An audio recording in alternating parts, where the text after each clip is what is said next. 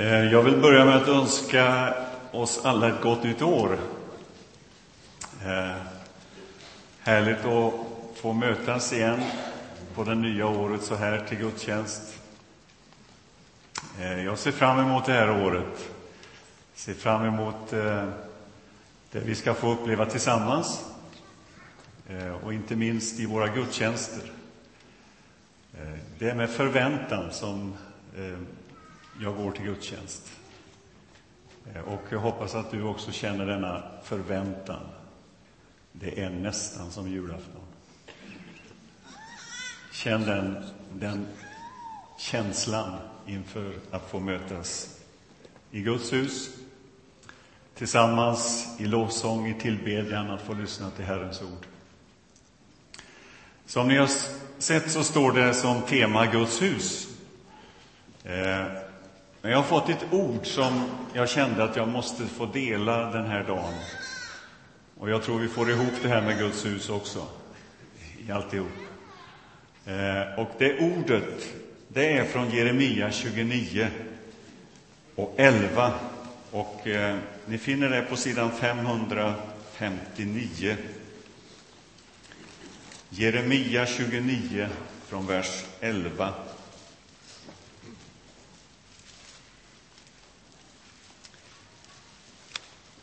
Sidan 559.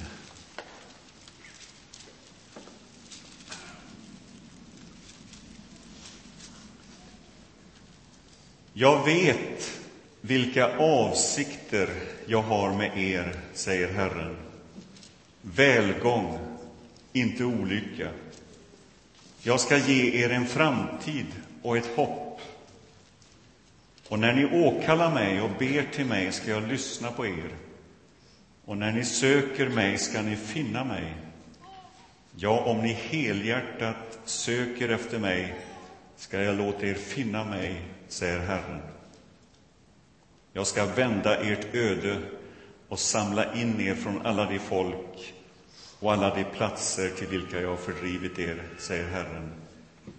Jag ska låta er återvända till den plats jag har förvisat er från.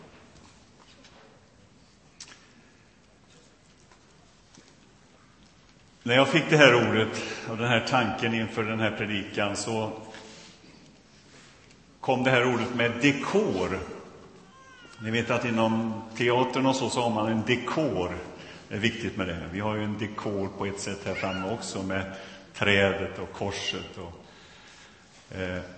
Men över ditt liv för 2010 så finns det en dekor och det är att Gud är en god Gud. Alltså, Gud har goda avsikter för ditt liv. Precis som vi läste i de här verserna. Så varje dag under det här året 2010 som ligger framför så står den här dekoren. Gud är en god Gud.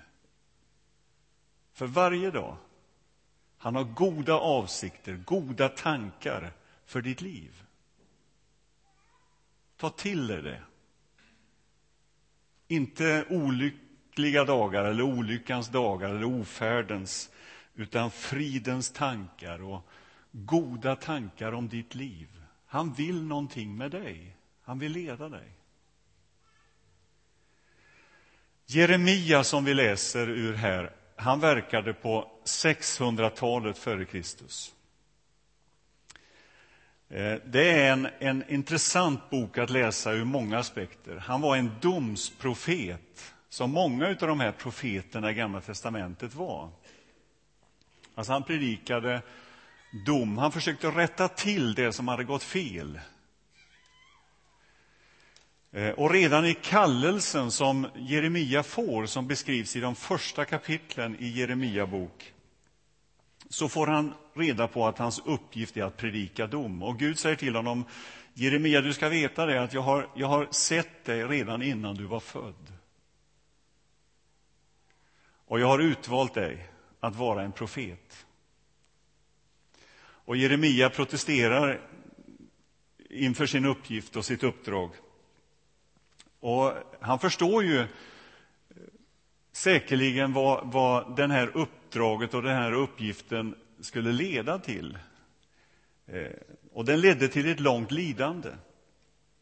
Han blev utstött, utstött, han blev avskydd, han blev slagen, misshandlad, han blev kastad i en brunn. Eh, han blev piskad, han blev hotad till livet. Och Jeremia ger under, i den här boken gång på gång uttryck, uttryck åt sin kluvenhet inför sitt uppdrag. Eh, och sitt förhållande till Gud. Han resonerar med Gud. Varför, varför ska jag få, ha fått den här uppgiften att predika det här? Eh, och mitt i de här bryderierna, mitt i den här kluvenheten som han upplever, så kommer som en blixt från en klar himmel den här texten. Eh, och jag kan känna igen mig på något sätt i Jeremia i den meningen att när vi ser oss omkring så ser vi en framtid som kanske inte har såna här positiva prognoser som vi kanske önskar. När vi ser fram emot 210, 2010 eh, och åren som ligger framför så har vi ju matats av rapporter och prognoser som säger att, att det ser inget vidare ut när det gäller vår miljö, när det gäller tillståndet i vår värld, oron i vår värld, eh, krig, spänningar som finns. Eh, och mitt i detta så kommer då det här med jag vill ge er en framtid och ett hopp. Alltså, Jeremia får det liksom inte riktigt att gå ihop. Han ser hur, hur, hur liksom saker och ting inte är som det ska runt omkring sig. Och så har han det här budskapet. Jag vill ge er en framtid och ett hopp. Hur får vi de sakerna att hänga ihop? Är det så att det är Gud som har makten eller inte? Är det Gud som styr, eller är det något annat som styr? Någon annan kraft? Och Jag tror att, att Jeremia lär oss någonting väldigt viktigt i detta. Nämligen att vi kan aldrig liksom slå dövörat till åt något håll. Alltså, han konfronteras med verkligheten som den ser ut. Och samtidigt konfronteras han lika mycket med den framtid som handlar om vad Gud vill göra varje dag under det år som ligger framför. Med våra liv. Att han har en framtid att ge oss. Därför att om vi bara ser ondskan, om vi bara ser förtrycket, om vi bara ser orättvisorna, då leder det till uppgivenhet och frustration. Och om vi vänder oss åt andra hållet och bara ser, så att säga, eh, Guds löften, eh, den framtid som han har i beredskap, eh, det hopp som han har tänkt om oss. Om det bara handlar om något som, som sträcker sig bortom döden eller bakom döden, ja, då leder det ju till en flykt bort ifrån detta livet och denna verklighet. Och, och Jeremia lyfter in detta hopp i den verklighet som han såg. Alltså att här och nu, i detta kaos som han upplevde, så har Gud någonting att säga till oss. Han har någonting att ge, att förmedla. Han vill spänna upp en dekor över våra liv, eller bakom våra liv. Eller framför våra liv, om du så vill. Som säger att Gud är en god Gud som går med dig i detta som sker. Och han har kontroll över det som sker. Gud vill ge oss en god framtid och den framtiden börjar här och nu. Gud har fridens tankar om oss och det har han nu. Inte sen, utan nu. Gud vill inte olycka. Han har goda avsikter med våra liv. Gud lyssnar när vi ber. Gud är intresserad utav våra liv. Var så säker, varenda centimeter av ditt liv. Och han finns nära den som söker honom. När ni söker mig skall ni finna mig, fick Jeremia säga. Och alltihop detta bottnar i en händelse som är helt avgörande för, för oss. Och det är ju uppståndelsen från de döda. Alltså det som har hänt, eller ska hända, det har redan hänt i vår tid. Det finns ett tv-program som har gått några gånger nu som heter Sommarpratarna. Ni kanske har sett det, där man sitter och pratar runt ett bord. Och där satt bland annat Pia Johansson, som är komiker, eh, väldigt eh, snabb i sina repliker och festlig att lyssna på på många sätt. Hon berättade om sin tro där runt bordet. Hon berättade om bönens betydelse för hennes liv. Och vid bordet satt det också en annan person som eh, lyssnade till vad Pia sa och uttryckte sin skepsis och sa för att för honom så var minsann detta en stängd dörr, som han uttryckte det. Det är stängt, den dörren för mig. Och då kom Pias replik blixtsnabbt. Ja, men se till att öppna den då. Se till att öppna den då. Och kanske det är en, en, en replik som vi behöver höra på något sätt. Se till att öppna den dörren för det år som ligger framför. Alltså Guds löftesdörr. Guds framtidsdörr. Guds kontrolldörr. Guds goda avsikter om ditt liv. Se till att öppna den dörren. Se, jag står för dörren och klappar, säger Jesus i Uppenbarelseboken. Om någon lyssnar ska jag gå in och hålla måltid med honom och han med mig. Guds närvaro tränger sig på och vi gör väl i att öppna oss för den, eh, den an, vad ska vi säga, det, det erbjudandet som Gud vill ge oss. Jag tror att det är så här, åtminstone har det varit så för mig, att gudsbilden styr mycket av våra liv, den bild vi har av Gud. Och jag tror det är också så här att den, den bild vi har av Gud den förändras genom åren. Jag tror inte jag har samma bild av Gud idag som jag hade när jag var barn. Eh, och eh, jag var med på någon samling en gång för eh, ganska så länge sedan där vi fick rita i i bilder hur vår gudsbild har förändrats. Och jag har sparat den där teckningen som jag gjorde eh, för att beskriva hur, hur gudsbilden på något sätt har förändrats. Eh, och kanske det är så att när man blir äldre så blir bilden av Gud mer barmhärtig på något sätt. Alltså man ser att Gud, ja, kan han ta sig an mig, då kan han ta sig an vem som helst. Alltså man får kanske en annan en annan relation, en annan förhållande till Gud. Jonas Gardell har ju talat om att eh, han talar om att det, ja, om man hårdrar hans resonemang så är det ju att det finns två gudsbilder. Det gamla testamentet har en domsgud och nya testamentet har en kärleksgud. Eh, är det två olika gudar? Jag tror inte det. Och Jeremia är ett gott exempel på hur, hur han förenar båda de bilderna på något sätt. Att Gud är rättfärdig. Gud kommer att göra upp med ondskan i vår tid. Men Gud är också kärleksfull.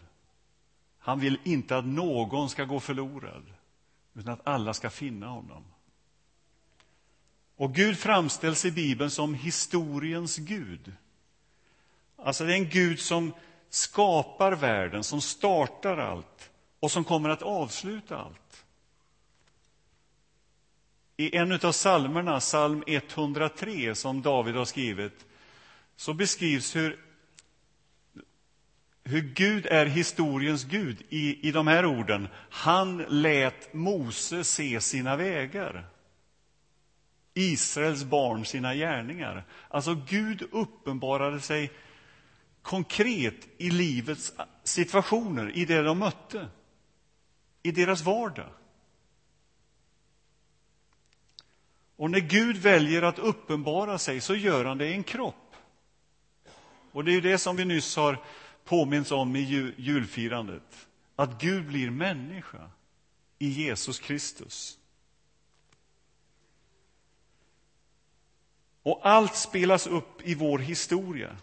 Och Det är därför som julevangeliet på något sätt är så noga med att ange att det var under Pontius Pilatus tid, det var under Herodes tid som det skedde. Alltså det var här och nu i vår historia. Det var inte utanför vårt sammanhang, utan i vår historia. Och när Gud kallar oss, så kallar han oss till en gemenskap, en församling, att vi på något sätt ska representera hans närvaro här på jorden. Och vi tycker att ja, men Gud det kunde väl valt ett annat sätt. Men Gud har valt en ordning som innebär att han vill samarbeta med dig och mig. Och det är precis det som Jeremia får förmedla. Jag vet vilka avsikter jag har för er. Fridens tankar, goda avsikter. Jag vill ge er en framtid och ett hopp. Jag vill vara med er. Jag vill låta mig finnas utav den som söker mig. Alltså, Gud räknar med oss.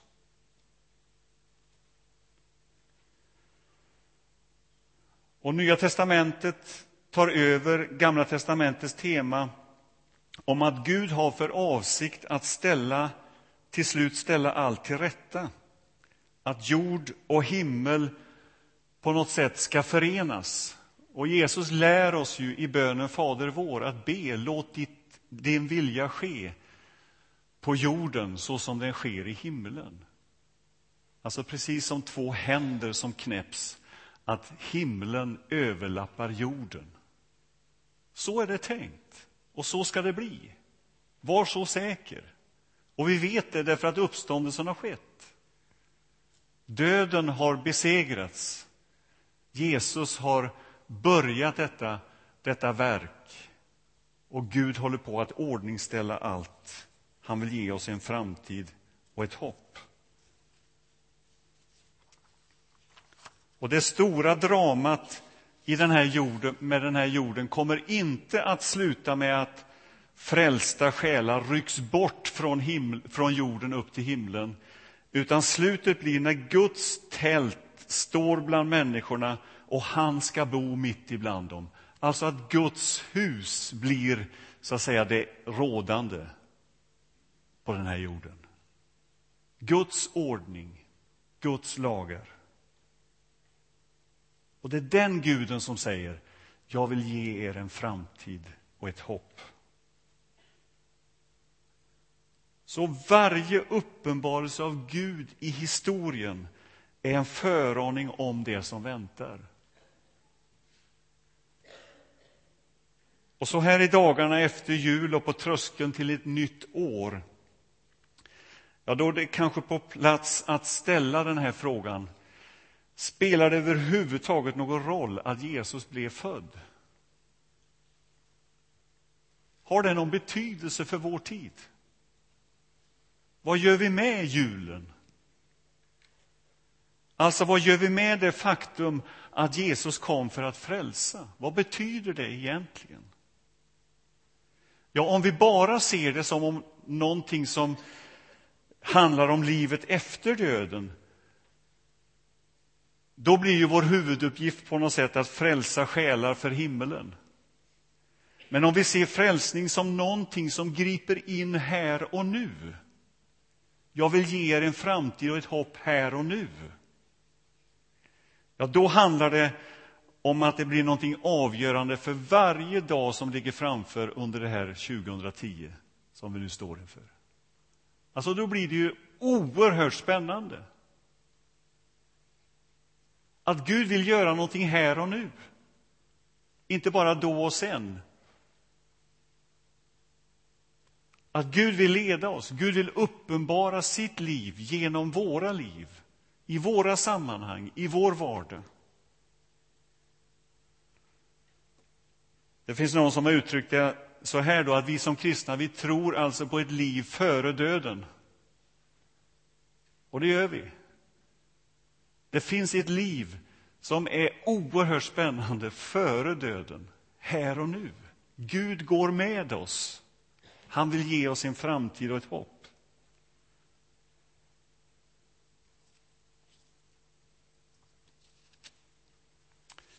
Och det här är ju oerhört fascinerande och oerhört spännande att stå i detta. Att frälsning bara inte betyder eh, att denna världen betyder inte ut ur denna världen och in i evighetens värld, utan det innebär att Jesus bryter de band och de gränser i vår värld som hindrar evigheten från att erövra den.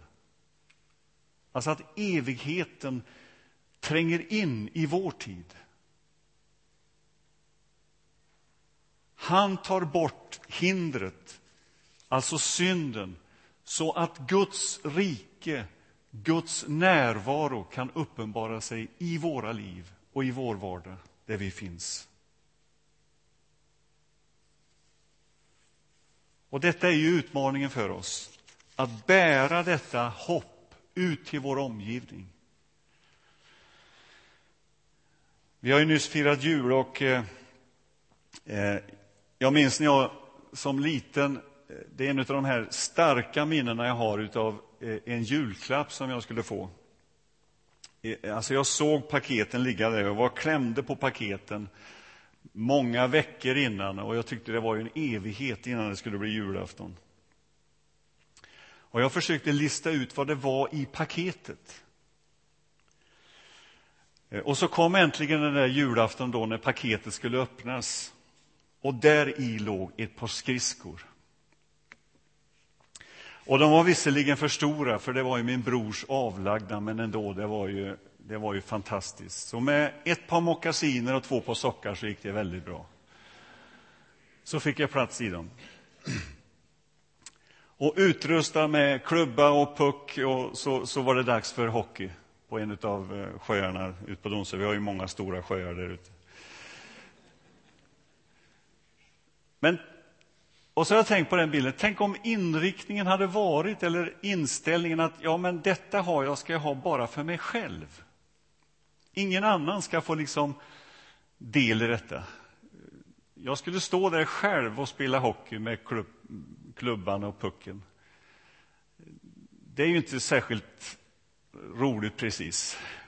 Utan själva vitsen, poängen med det var ju att tillsammans med andra att det här berör andra också. Och eh, jag försökte ju gott som jag kunde då att göra karriär inom denna sport, ishockey. Men det är inte så lätt när det är is vart tionde år ungefär.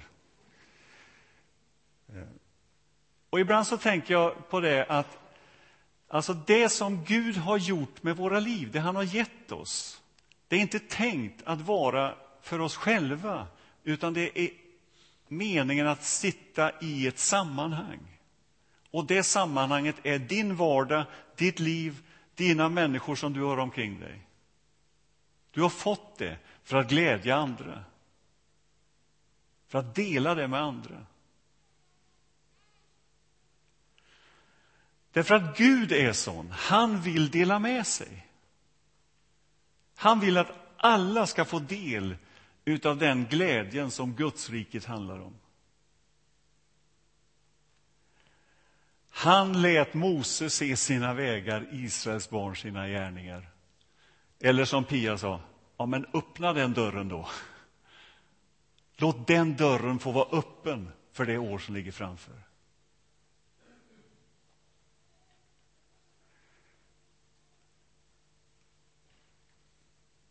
Och jag tänker så här att om nu detta är dekoren för våra liv, att Gud har goda avsikter och Gud vill använda dig och han vill använda mig i det, ja, då blir ju varje morgon när man stiger upp en oerhört spännande dag.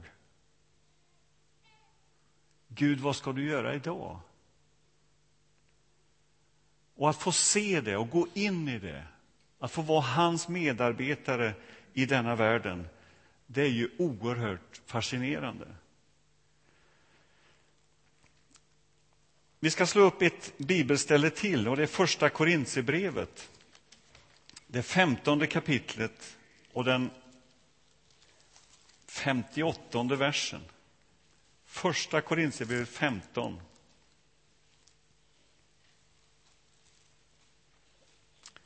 Och 58. Och då ska vi veta det att i det här kapitlet har Paulus lagt ut en lång utläggning om Jesu uppståndelse från de döda. Och då skulle man ju kunna tänka så här att hur ska han avsluta ett sånt kapitel? Eh, han skulle kunna kunna sagt så här, om vi nu har ett sånt hopp så luta er tillbaka och vänta på vad Gud har i beredskap åt er. Att han skulle avsluta så. Men det gör han inte, utan han säger i vers 58. Stå därför fasta och orubbliga, mina kära bröder, och ge ut er helt i arbetet för Herren. Ni vet ju att han inte låter er möda vara förspilld. Ge er helt ut i arbetet för Herren. Ert arbete är inte förspilt. Alltså, det som Gud har gjort genom Jesus Kristus, den framtid som han har i beredskap för oss, det hopp som han vill ge oss, det gör oss inte passiva. Det gör oss inte så att vi lutar oss tillbaka och tänker ja, snart är vi framme där i himlen. Utan tvärtom, det sätter oss i rörelse. Vi står fasta och orubbliga och ger ut oss helt i arbetet för Herren. Yes, han har gjort någonting och vi vill gå med honom i den här världen. Och vi vet att han har sista ordet. Vi vet att han kommer att, att eh, som vi sjöng här, skapa nya himlar och ny jord. Löftena står kvar. Han kommer att eh, ha sista ordet. Han är början och slutet. Och det kommer den dagen när allt ska bli ordning igen. Och under tiden så lever vi med den här frustrationen. Och vi längtar. Och vi ber att ditt rike ska komma, Gud. Låt det ske, din vilja i himlen såg på jorden. Och Gud kallar oss att följa honom, att vara ljus och salt i den här världen. Och vi bygger Guds rike genom att låta oss ledas av Guds ande och ge oss helt ut i arbetet för Herren. Så låt den här dekoren jag vill ge dig en framtid och ett hopp. Att det gäller för den varje dag under det här året som ligger framför. Jag vet inte hur ditt liv ser ut. Ehm, det vet du själv. Det som oroar dig, det som bekymrar dig inför det år som ligger framför. Men låt den dörren också få vara öppen som handlar om att Gud vill dig gott. Gud vill ge dig en framtid och ett hopp. Han har goda avsikter för ditt liv. Låt den dörren få vara öppen. Amen. Tack Gud att du har goda avsikter för våra liv. Att du vill leda oss, att du vill låta oss, låta oss finna dig när vi söker dig. Kom helig Ande och visa oss det Gud vill göra i våra liv. Öppna våra ögon att vi ser det du har i beredskap för oss. Tack att vi får gå in i det här nya året tillsammans med dig. Du som har makten i himlen och på jorden. Du som har segrat, du som har övervunnit. Tack att vi får gå med dig. I Jesu namn. Amen.